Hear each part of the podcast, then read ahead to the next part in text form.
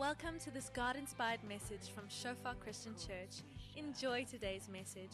May you experience the presence of our Father and may you grow deeper in your relationship with Him.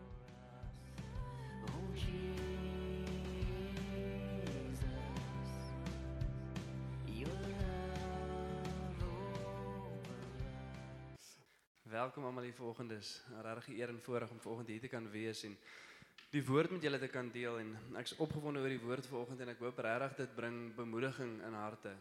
Um, en dit skep moed vir ons om buitentoe te gaan regtig die evangelie te gaan uitleef in ons alledaagse lewe, maar ook so met bemoediging kom daar ook dele van die skrif wat ons gaan challenge.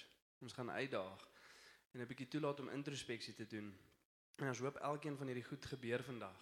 Ehm um, en dat ons iets oor God kan leer vandag, iets oor onsself en ook oor die wêreld daar buite. Nou ons titel vir vanoggend is geloof deur die vuur.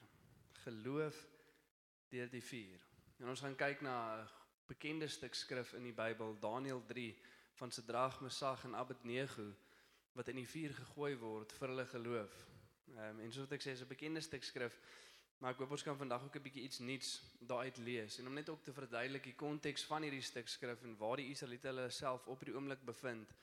Dit is Daniël se drag, Mesag en Abednego en die res van die Israeliete wat hulle self in Babel bevind in Babiloniese ballingskap omdat hulle nie die Here gedien het en gaan bid het en gevolg het soos wat hulle moet nie en omdat hulle die armes onderdruk het.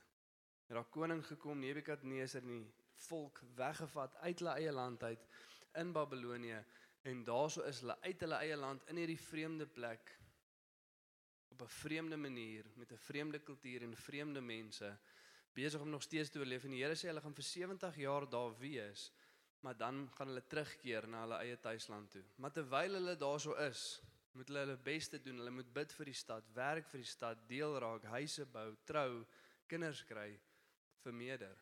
Want in die welvaart van die stad sal hulle ook hulle welvaart kry. En 'n baie belangrike punt wat ek net wil maak is soos wat hulle daarso is, is dit belangrik om te weet dat God roep ons nie as Christene ook om onsself eenkant te hou van die wêreld nie. Want hulle wat in ballingskap is, is ook op 'n manier 'n beeld van waar ons nou is. Ons is ook in ballingskap. Ons is nie waar ons veronderstel is om te wees nie. Die kultuur, die konteks, die taal, die mense, hoe sekere goeders gebeur om ons is nie hoe dit veronderstel is om te gebeur nie. Die statistieke sê dalk Afrika is 80% Christelike land, maar die vrug daarvan sien ons nie. En ons weet dat hierdie is nie ons huis nie, ons verlang na 'n ander plek. Ons is ook in ballingskap. En ons verlang ook vir Jesus om terug te kom en ons te vat na ons tuisland. En een van die belangrike punte is dat terwyl ons hierso is, moet ons nog steeds deel wees van die samelewing. Indruk, 'n verskil maak, bid, huise bou, kinders kry, trou belangrike punt net bietjie van die konteks van die stuk skrif. En dan gaan ons daar deurlees en kom ons kyk vanoggend wat ons hier uit kan leer. Ons lees in Daniël 3 van vers 8 tot 30. Van vers 1 tot 7 het ons gesien dat Nebukadneser kom en hy bou 'n goue standbeeld en rig hom op. En interessante ding, die standbeeld het nie 'n naam nie, daar's nie 'n spesifieke ding geallokeer aan hierdie standbeeld nie, 'n spesifieke god nie, terwyl hulle baie gode gaan bid het. Maar daar is hierdie standbeeld en almal word saamgeroep en gesê dat hulle hierdie standbeeld moet aanbid as die musiek begin speel. En dan tel ons die storie op in vers 8. En dit sê die volgende: Op grond daarvan het tergelykertyd Kaldese manne nader gekom en die Jode aangekla. Daarop het hulle met koning Nebukadneser gespreek en gesê: Mag die koning vir ewig lewe. U o koning het 'n bevel gegee dat elke mens wat die geluid van horing, fluit, sitter, luit, harp en doedelsak en van allerlei musiekinstrumente hoor, moet neerval en die goue beeld aanbid. Nou kan ons ook net vir die skotte sê hulle is nie die ouens wat die doedelsak geontdek het. Dis ver voor hulle tyd. Ehm um, ekskuus 'n bietjie van 'n side note. En dat hy wat nie neerval en aanbid nie binne in die brandende vuuroond gegooi moet word. Daar is Joodse manne wat hier oor die bestuur van die provinsie Babel aangestel het. Sedrag, Mesag en Abednego. Hierdie manne het hulle ook koning aan u nie gesteer nie. Hulle dien u gode nie en die goue beeld wat u opgerig het aanbid hulle nie. Toe het Nebukadneser toornig en woedend bevel gegee om Sedrag, Mesag en Abednego te laat kom. Daarop is die manne voor die koning gebring. En Nebukadneser het gespreek en vir hulle gesê: Is dit met opset, Sidrag, Mesag en Abednego, dat julle my gode nie dien nie en die goue beeld wat ek opgerig het nie aanbid nie? As julle dan nou sodra julle die geluid van die horing, fluit, sitter, luit, harp en doedelsaak en van allerlei musiekinstrumente hoor, bereid is om neer te val en die beeld wat ek gemaak het te aanbid, goed. Maar as julle nie aanbid nie, sal julle oombliklik binne in die brandende vuuroond gegooi word. En wie is die God wat julle uit my hand kan verlos? Sidrag, Mesag en Abednego het geantwoord en aan koning Nebukadneser gesê: Ons ag dit nie nodig om u hierop antwoord te gee nie. As ons God wat ons dien in staat is om ons te verlos, dan sal hy ons uit die brandende vuuroond en uit die hand o koning verlos. Maar so nie. Laat dit dan bekend wees o koning dat ons u gode nie sal dien nie en die goue beeld wat u opgerig het nie sal aanbid nie. Toe het Nebukadneser baie woedend geword en sy gelaatstrek het verander teenoor Sidrag, Mesag en Abednego. As antwoord het hy bevel gegee om die oond 7 maal warmer te maak as wat dit eintlik nodig was. En aan sommige van die sterkste manne wat in sy leer was, het hy bevel gegee om Sidrag, Mesag en Abednego te boei om hulle in die brandende vuuroond te gooi. Toe is daardie manne geboei met hulle mantels, hulle broeke en hulle tulbande en hulle ander klere aan en hulle is binne in die brandende vuuroond gegooi. Omdat dan nou die woorde van die koning streng van die oond uitermate verhit was, het die vlam van die vuur daardie manne wat se drag Mesag en Abednego opgeneem het, doodgebrand. Maar daardie drie manne se drag Mesag en Abednego het geboei binne in die brandende vuuroond geval. Toe het die koning Nebukadneser verskrik geword en haastig opgestaan. Hy het sy raadsmanne toegespreek en gesê: Toe het Nebukadneser nader gekom na die opening van die brandende vuuroond. Ekskuus, ek het enetjie geskiep daarso. Gesê: Toe het hy gesê: "Het ons dan nie 3 manne in die vuuroond gegooi nie en ek sien 4 manne daar binne rondloop en die 4de een lyk soos 'n godeseun." Toe het Nebukadneser nader gekom na die opening van die brandende vuuroond en daarop gesê: "Sidrag, Mesag en Abednego, knegte van die Allerhoogste God, gaan uit en kom hier." Toe het Sidrag, Mesag en Abednego uit die vuuroond uitgegaan. Daarop het die landvoogde, die bevelhebbers en die goewerneurs en die raadsmanne van die koning vergader en aan daardie manne gesien dat die vuur geen mag oor hulle liggame gehad het en die hare van hulle hoof nie geskroei het nie en dat hulle mantels geen verandering ondergaan en die reuk van die vuur nie aan hulle gekom het nie. Daarop het Nebukadneser gespreek en gesê: "Geloofd sy die God van Sidrag, Mesag en Abednego wat sy engel gestuur en sy knegte verlos het wat hulle op hom verlaat en het die bevel van die koning oortree het en wat hulle liggame oorgegee het om aan geen ander god te dien of te aanbid nie behalwe hulle God." Daarom word daar my bevel gegee dat enige volk, nasie of taal wat oneerbiedig spreek oor die God van Sidrag, Mesag en Abednego, stikkend gekap en van sy huis 'n misoop gemaak sal word. Omdat daar geen ander God is wat so kan verlos nie. Toe die koning Sidrag, Mesag en Abednego voorspoedig laat wees in die provinsie Babel. Baie interessante stuk skrif, stuk skrif wat ons ken en is vir my so ironies daar's op die einde laat my so half van 'n storie dink.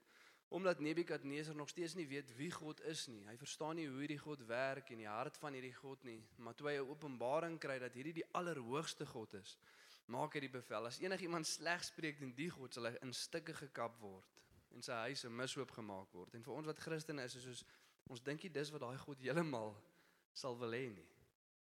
Daai God sal eerder laat ons in liefde uitreik na daai persoon toe en die evangelie aan hulle verkondig en hierdie God aan hulle bekend maak sodat hulle hom kan begin dien.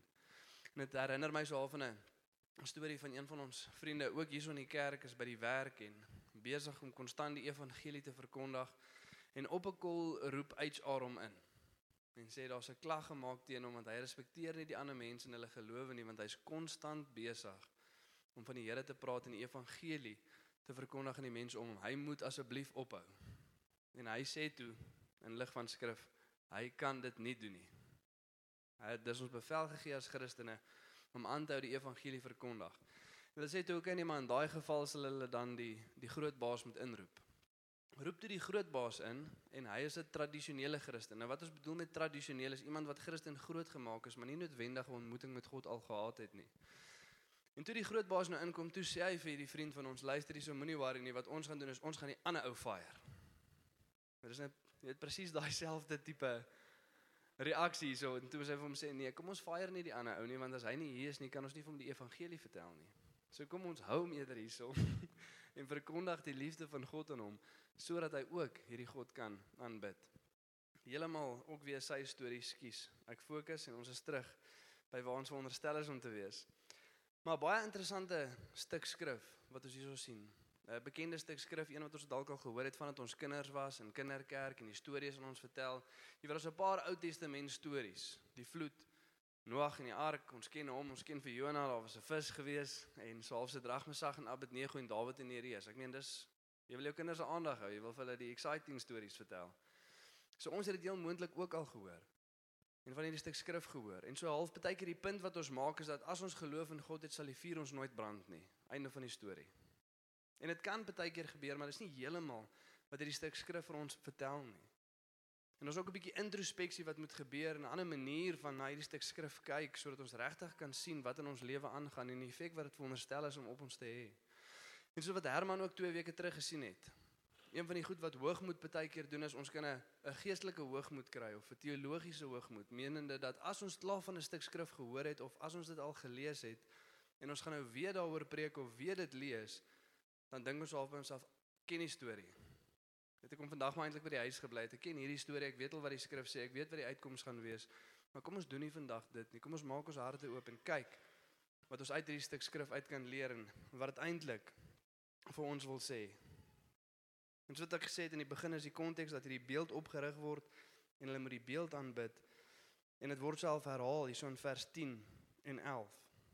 Dit sê in vers 10 en 11 die volgende: U o koning het 'n bevel gegee dat elke mens wat die geluid van die horing, fluit, sitter, luit, harp en doedelsak en van allerlei musiekinstrumente hoor, moet neerval en die goue beeld aanbid. En dat hy wat nie neerval en aanbid nie, binne in die brandende vuuroond gegooi moet word. En dit vat ons vanoggend vinnig na punt nommer 1 toe. Ons eerste punt vanoggend is daar sal altyd 'n ander beeld wees om te aanbid. Daar sal altyd 'n ander beeld wees om te aanbid. Daar sal altyd en oral 'n versoeking wees om nie God 100% te dien nie of om iets anders te doen of om iets op 'n ander manier te doen. Oral om ons sal die versoeking daar wees. En die eerste vraag wat so half by ons opkom sodat ons hierdie stuk skrif lees is oké, okay, maar wat sou ons gedoen het? Of ten minste 'n vraag wat 'n goeie vraag is wat kan opkom. Wat sou ons gedoen het as ons ons gedrag Mesag en Abednego se skoene was? Hoe sou ons opgetree het? Sou ons ook nie gebuig het nie, sou ons ook bly staan het? Sou ons dieselfde woorde geuiter het dat ons God kan red, maar al doen hy nie, gaan ons nog steeds nie buig nie. Wat sou ons gedoen het? Hoe sou ons opgetree het? Weet en soos wat ons baie keer na die geskiedenis kyk en stories in die Bybel lees, hou ons baie daarvan om te identifiseer met die goeie mense. Ons hou daarvan om te dink ons sou dieselfde doen. Maar dit is nie altyd die geval nie. Dit is nie elke keer wat gebeur nie. Dit sou nice wees as ons kon wees. Maar skrif sê min mense. Dit is baie keer net 3. Dit is 'n bietjie meer as 3 vanoggend. Maar is gewoonlik net 3 of so wat die regte ding doen wat God eintlik volg wat hy geloof het om te bly staan. En jy sien die probleem wat ons baie keer het omdat ons nie die kultuur en die konteks van die dag verstaan nie, dink ons ook baie keer dat as versoeking kom dit so duidelik gaan wees. Ons dink ook net hierdie beeld gaan opgerig word en daar gaan duidelik vir ons gesê word, jy weet, jy moet nou ophou jou God dien en jy moet nou begin 'n ander God dien, maar dis nie eintlik wat hier aangaan nie. Dis nie wat besig is om te gebeur nie. Die goue beeld het geen naam nie. En die vraag wat ons ook moet ons vra is wat wat illustreer hierdie goue beeld? Wat beteken dit? En ons sien dit so half in vers 14. Dan sê Nebukadneser die volgende: En Nebukadneser het gespreek en vir hulle gesê: "Is dit met opset, Sadrag, Mesag en Abednego, dat julle my gode nie dien nie en die goue beeld wat ek opgerig het nie aanbid nie?" En ek lag elke keer so bietjie as ek dit lees want Nebukadneser werk met mense. Hy verstaan dis die mensdom, nie die mens slim nie. Ons is baie keer traag van begrip. En ons hoor nie altyd so lekker nie en ons luister nie altyd so lekker nie. So hy wil net eers te seker maak, verstaan julle wat ek gesê het? Is dit met opset?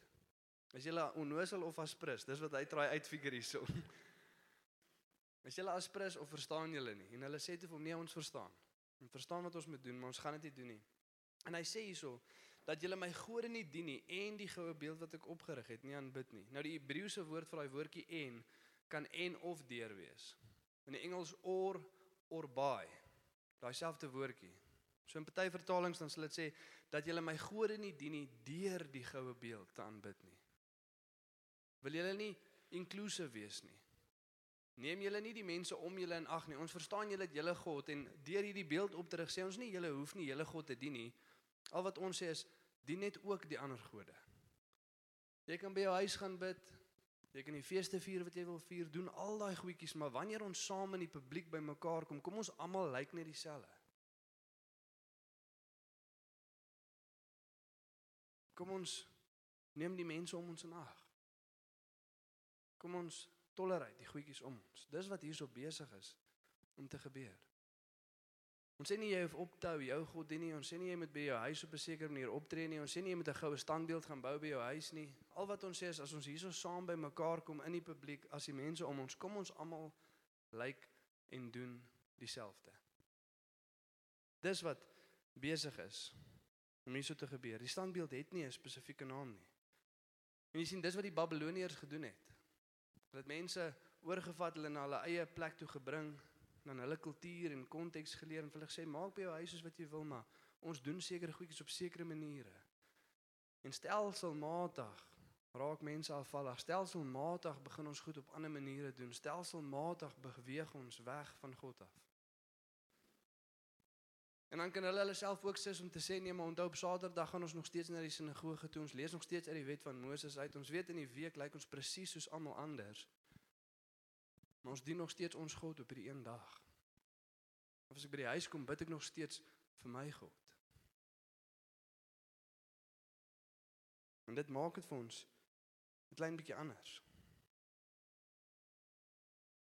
En die vraag wat ons osself moet vra vanoggend ook is: is ons bewus dat daar 'n ander standbeeld is wat ons roep om te buig voor dit? Is ons bewus dat daar konstant elke dag, elke week Die versoeking is om voor iets te buig.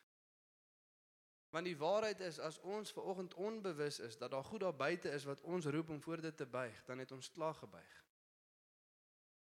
As ons onbewus is dat daar elke week geleenthede gaan kom om anders te wees as die wêreld daar buite, dan is ons klaar dieselfde as die wêreld daar buite. En ons het klaar voor die kultuur gebuig. En ons doen dalk by ons huis of op ander plekke goedjies wat dalk anders lyk as hulle, maar ons het klaar gebuig.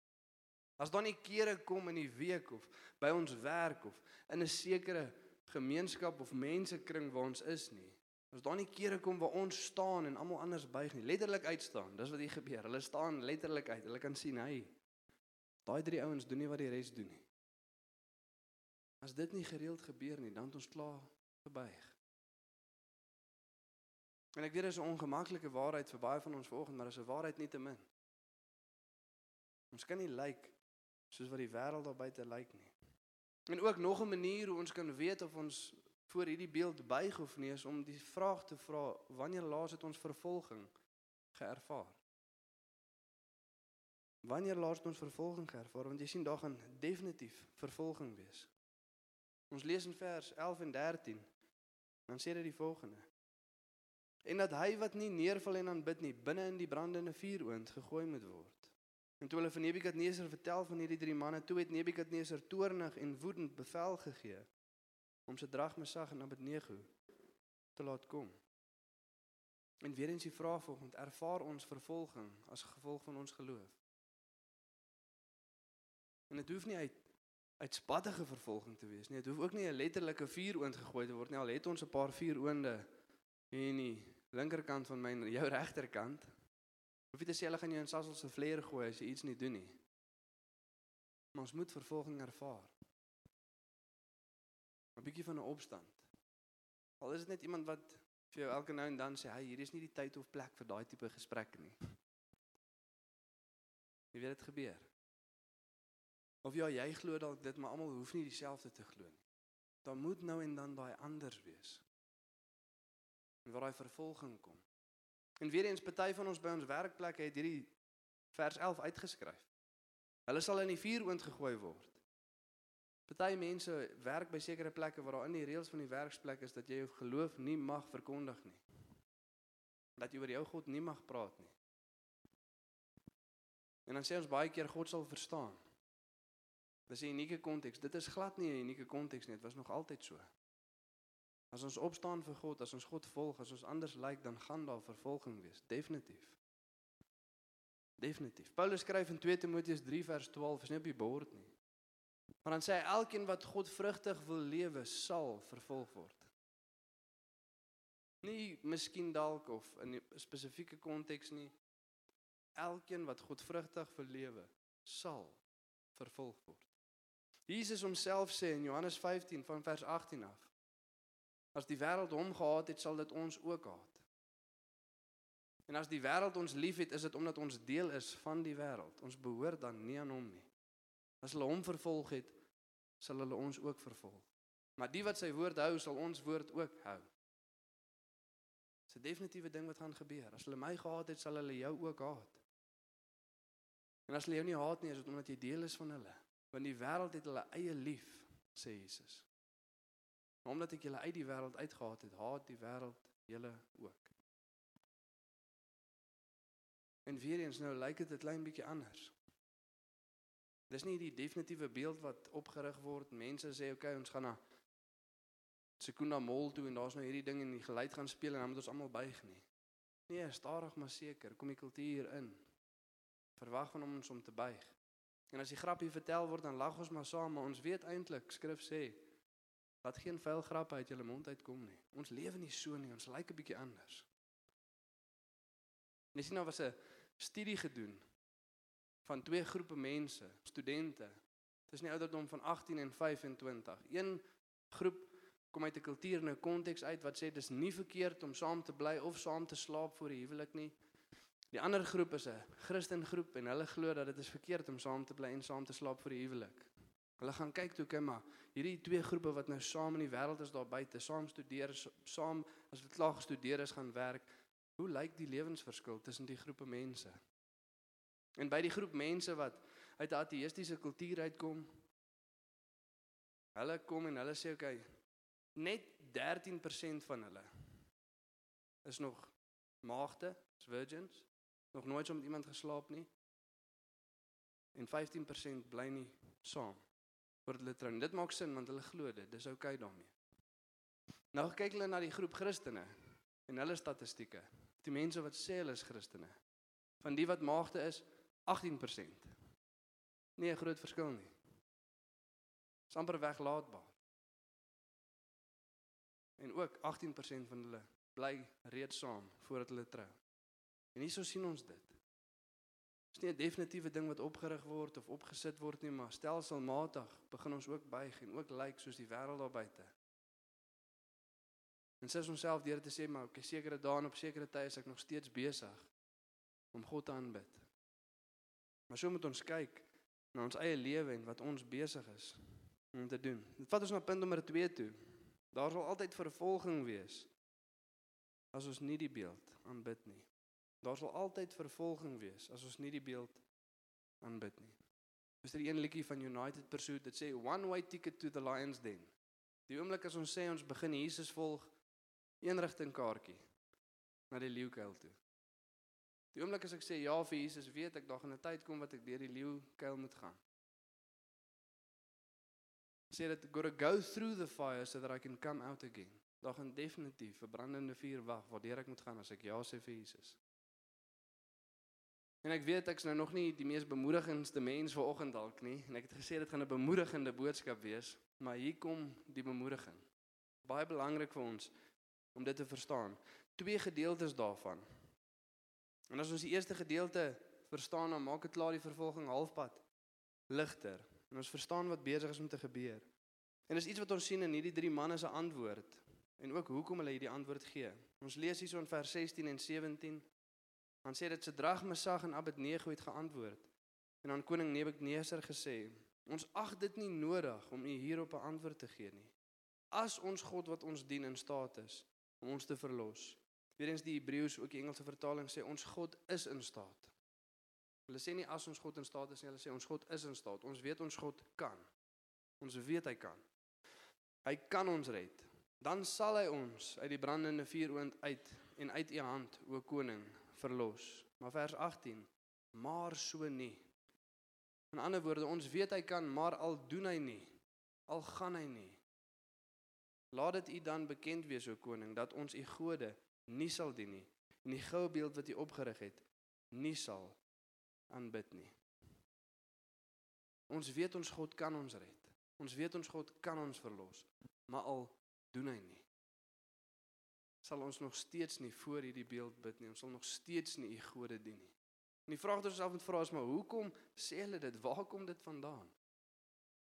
En die eerste ding wat ons moet besef is dit kom uit hulle uit want dit is wat binne in hulle is. En die een ding wat ons volgens moet besef is daarso is net een plek waar ons regtig sal ontdek wie ons regtig is. En dis in vervolging en dis in swaar kry. In vervolging en in swaar kry, dis waar ons ontdek wie ons regtig is. Jy weet baie keer hou ons daarvan om te dink as ons langs die strand lê, Jesus maar ek is almal geduldige mens, hè. Ek is nie gejaag nie, ek is kalm. Dis God vrug. Meanwhile as jy net op vakansie langs die see. Nou as jy in die traffic is en die ou ry voor jou in klein goedjies, dan sien ek, "O, okay, hier kom ietsie uit." Nou werk iets nie soos wat dit veronderstel is om te werk nie of die kinders raak siek of erger goed gebeur. Ewe skielik sien ek wat regtig binne in my is. Ons sal net weet wat binne in ons is as swaar kry en vervolging kom.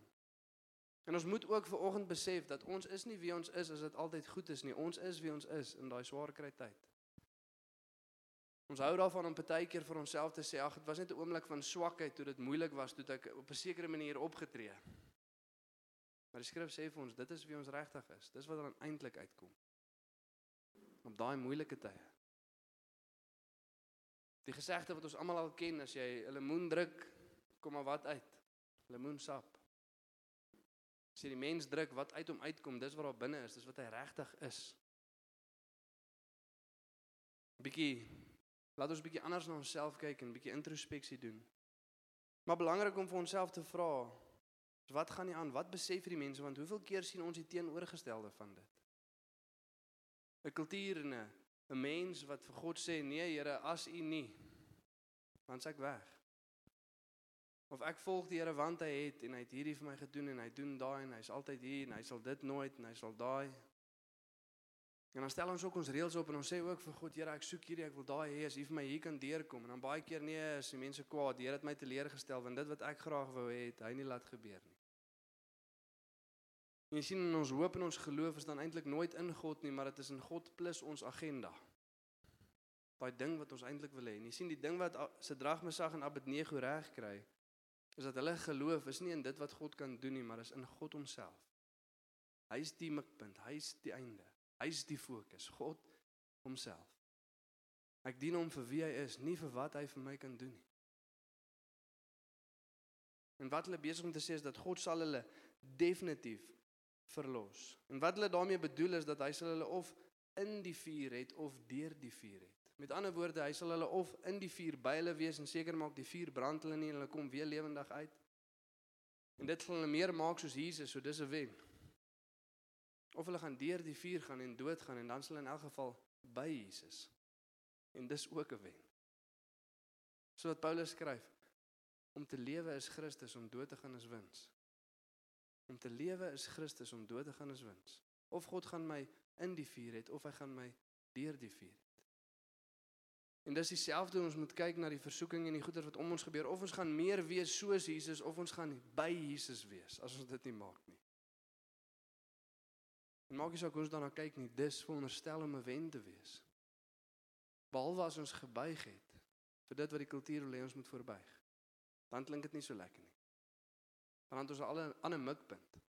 Ons mikpunt is nie ons heiligheid nie, dis nie om by Jesus te weet een eendag nie ons mikpunt is ons gemak. Dit gaan gemakliker wees om te buig, dit gaan gemakliker wees om te lyk soos die wêreld. Dan gaan ek dit eerder doen. Jy sien, die vertroosting wat ons hierso moet uitvat is dat selfs in vervolging, selfs in swaar kry, het God 'n doel daarmee. 'n Liefdevolle doel wat goed is vir ons. Ons lees in 1 Petrus 1 van vers 6 tot 7 die volgende. Daarin verheug julle heel, al word julle nou as dit nodig is, 'n kort tydjie bedroef onder allerlei beproewings. En weer eens soos wat ons al gesê het, dit voel partykeer nie vir ons as 'n kort tydjie nie. Soos regtig skrif 'n kort tydjie. Skrif sê ons tyd hier op aarde is 'n kort tydjie. Al het jy jou le hele lewe lank versoeking en lyding, dit is 'n kort tydjie. 'n Lig van ewigheid. Hierdie is nie lank nie.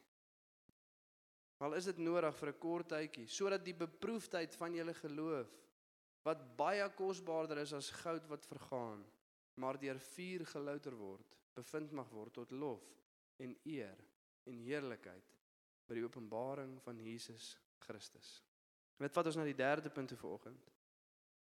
Ons soewereine God het altyd 'n liefdevolle plan selfs in vervolging. Ons soewereine God het altyd 'n liefdevolle plan selfs in vervolging en dis vir ons so en dis ook vir die mense om ons so. Vir die mense om ons sien ons dat God het selfs hierso 'n plan met Nebukadneser. Nebukadneser sê eerste, wie is die God wat julle uit my hand uit sal kan red? En op die einde van hulle toets van geloof wat hulle deurstaan en hy kan sien hoe hierdie mense geloof in God het en hoe God deurkom. As hy hulle weer roep, roep hy hulle hoe? Sadrag, Mesach en Abednego, dienaars van die allerhoogste God. Ewe skielik het Nebukadneser 'n openbaring. Hy verstaan nog nie heeltemal wie God is nie, maar hy verstaan dis die allerhoogste God. Jy weet die van ons wat laas jaar hierso was met die geestelike reeks waardeur ons gaan, hulle verstaan daar's ander geestelike wesens en demone en heersers oor nasies wat allerlei dinge doen. Hulle verstaan dit, hulle weet dit, hulle is bewus van dit. Maar nou sien Nebukadneser dat daar's 'n allerhoogste. Daar's een met wie die ander nie vergelyk nie. Daar's een wat kan red soos niemand anders nie. En dit word geopenbaar deur ons lewe as ons getrou bly as die toetse kom. As ons deur die vuur staande bly met ons oë gefokus op God. Maar terselfdertyd ook vir ons. God wil goeie goed in ons lewe laat gebeur. Meeste van ons het God begin dien omdat dit sleg gegaan het. Baie van ons. Niemand van ons het gesit en gedink, "Jessie, die budget klop, my vrou is lief vir my, kinders is gesond, jy's en hulle studeergeld is klaar in die bank. Uh, hulle is nou net 4, maar hulle het al klaar selfs kering gekry. Hulle kan gaan swat. Wat is nodig? OK, kom ons dien die Here ook. Dit gaan so goed. Dit het met min van ons so gebeur. Met meeste van ons plat neergedruk, nêrens heen om te gaan nie, nêrens heen om te beweeg nie. En toe het God ons uit daai gat uitkom haal en toe het ons besef wie 'n liefdevolle heilige God is. En baie keer eers as God alles wegvat, kan ons sien wat ons in Jesus alleen het. Dis 'n liefdevolle ding wat God vir ons kom doen. Sodat die dinge van hierdie wêreld ons nie insluk nie. 'n Liefdevolle God. En as ons dit besef, dan is die trauma halfte ligter as wat dit eintlik is. Met meeste mense as jy gesels oor dinge wat gebeur het en hoe goeders gebeur het, is die grootste deel van die trauma is maar hulle het nie gedink dit sou gebeur nie want hulle dien mos nou God.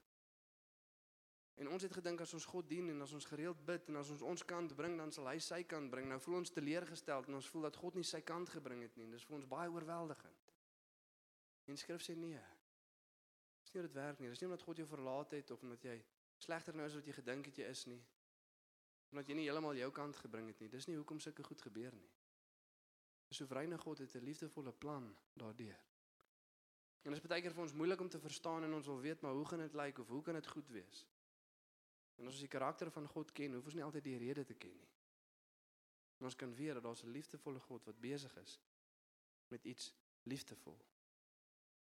En daar niemand is wat kan red soos hy nie. En dis die Openbaring en ek wil vir ons afsluit met dit. Vers 29 min wetend wat hy besig is om te sê is Nebukadneser besig om die evangelie te verkondig.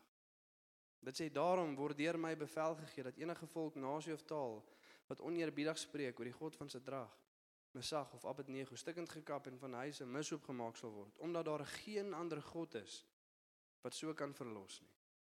Nebukadneser besef nie wat hy sê nie, maar hy is besig om te profeteer oor die evangelie wat sal kom. Hy sê daar's geen ander God wat kan red uit die vuur nie. Min wetend dat daar soos 'n ander vuur, baie groter, baie warmer as die een wat hy gemaak het. En dis die een wat God self gemaak het. En daar's geen ander God wat kan red soos hy nie. Daar's geen ander God wat ons kan red uit die vuur uit nie. En in hierdie stuk skrif soos wat Nebukadneser sê, een wat lyk soos die gode seun. God se engel. As die Ou Testament praat baie van engele, maar dit praat van die engel van die Here. As jy sien, hierdie engel is nie soos die ander engele nie. Die engel spreek asof hy God is. En as die engel op 'n plek kom met mense hulle sandale uittrek, want dit is heilig. Heilige grond. Jesus homself wat in die vuur is saam met hulle en hulle red uit die vuur uit, maar daar sal 'n dag kom wat Jesus nie saam ons in die vuur is nie, maar vir ons in die vuur is. Men weet en dis wat Nebukadneser besig is om te sê. Daar's 'n dag wat ons nie eens ingegooi gaan hoef te word nie omdat Jesus Christus homself ons plek vat. 2000 jaar terug op die kruis. In ons plek.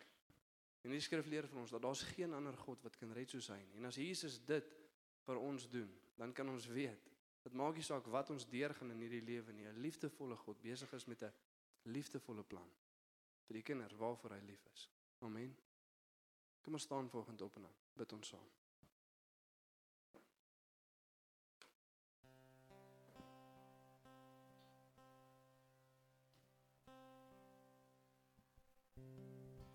Ja, Vader, dankie dat ons vanoggend kan kom stil raak voor die Here en soveel van ons Here op verskillende plekke vanoggend, Here. Party van ons Here kom dalk vir die eerste keer agter Here dat ons is meer gereeld besig om te buig voor die beeld as wat ons dink. En ons kan letterlik nie in enkele oomblikke dink Here waar ons uitstaan omdat ons U dien nie. Anders lyk as die wêreld om ons nie, Here. So 'n sekere manier van lewe, Here, uitvloei, dan lyk dit dieselfde. Sekere manier van praat, sekere manier van optree, sekere manier van besigheid doen. Dan lyk ons in dieselfde. Grappe wat vertel word, die grappe waaroor gelag word.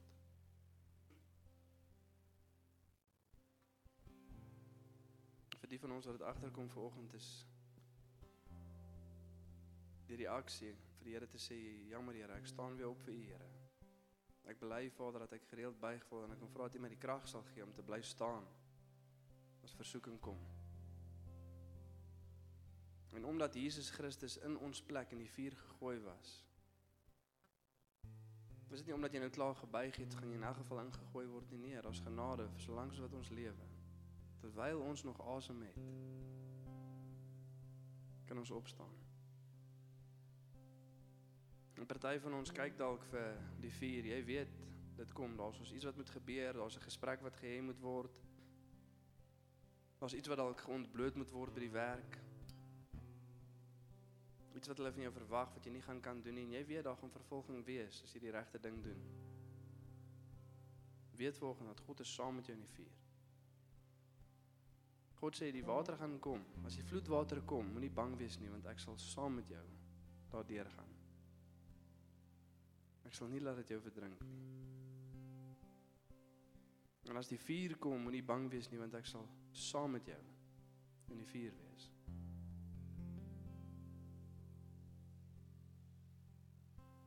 En party van ons volgens staan binne in die vuur.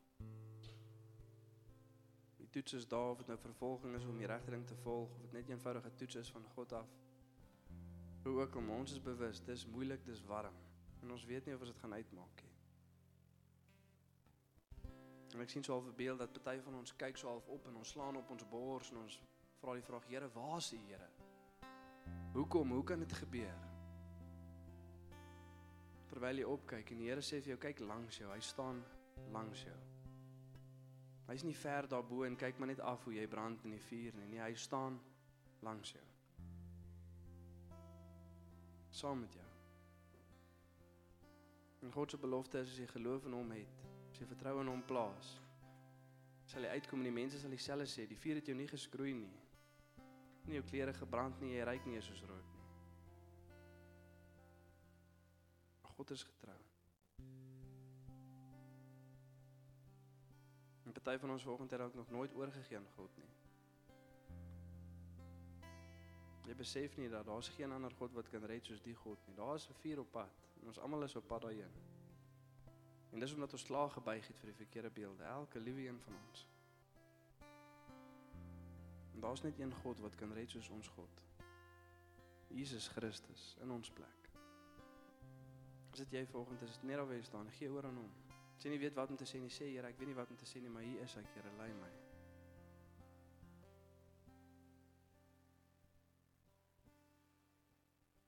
As jy deur 'n moeilikheid, moeilike toets gaan, waar's emosies, sê vir God hoe jy voel.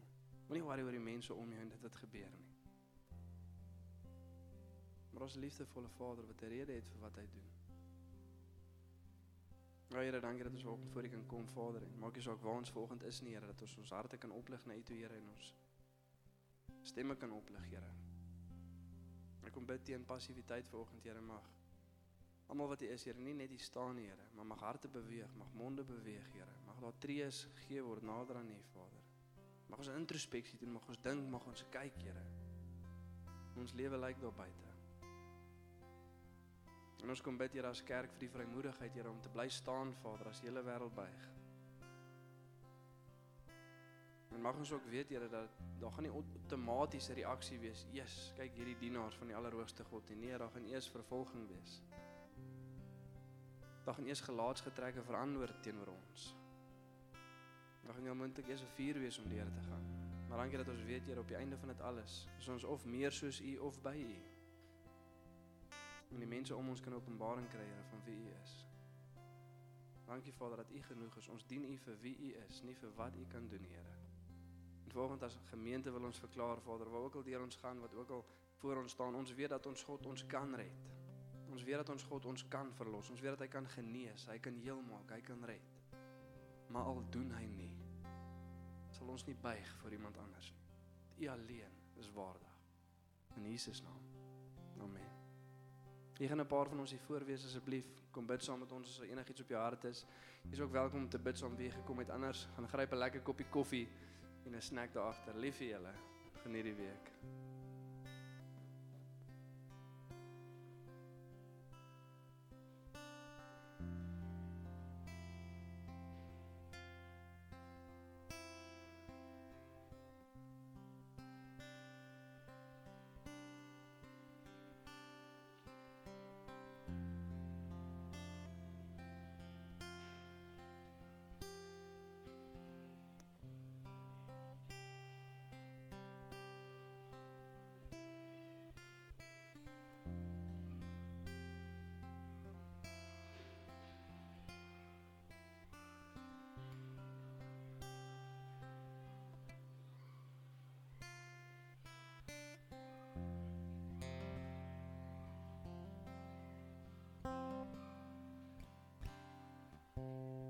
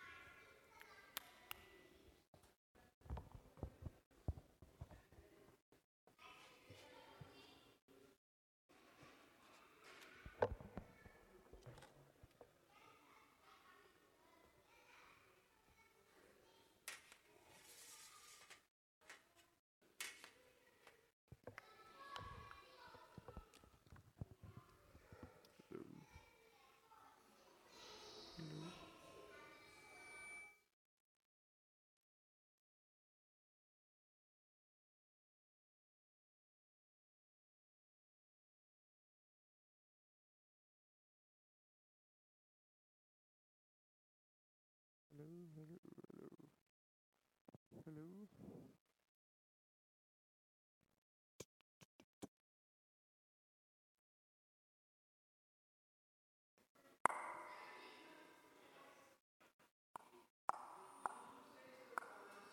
Hoekom?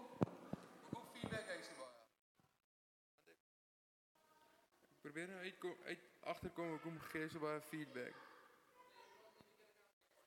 Hierdie kant. Hierdie kant. Hierdie kant. So. So, as jy hom harder sit en en hy was nou nou daar so. Maar is hierdie hard genoeg? As jy nou so praat.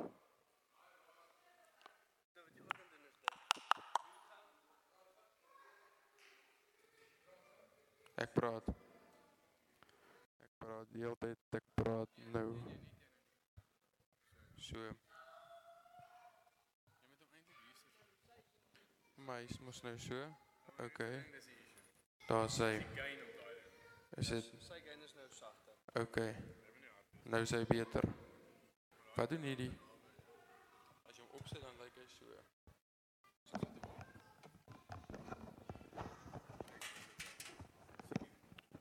Goedendag. Maar ek wonder of dit nie iewers 'n uh, draaitjie of 'n ding is wat bietjie los is of iets nie. Klink nie so nie. Hallo Stefanus. Welkom almal by die oggenddiens van Shofar. So goed. En ons is hier almal tesaam. Shofar, so goed. Ja.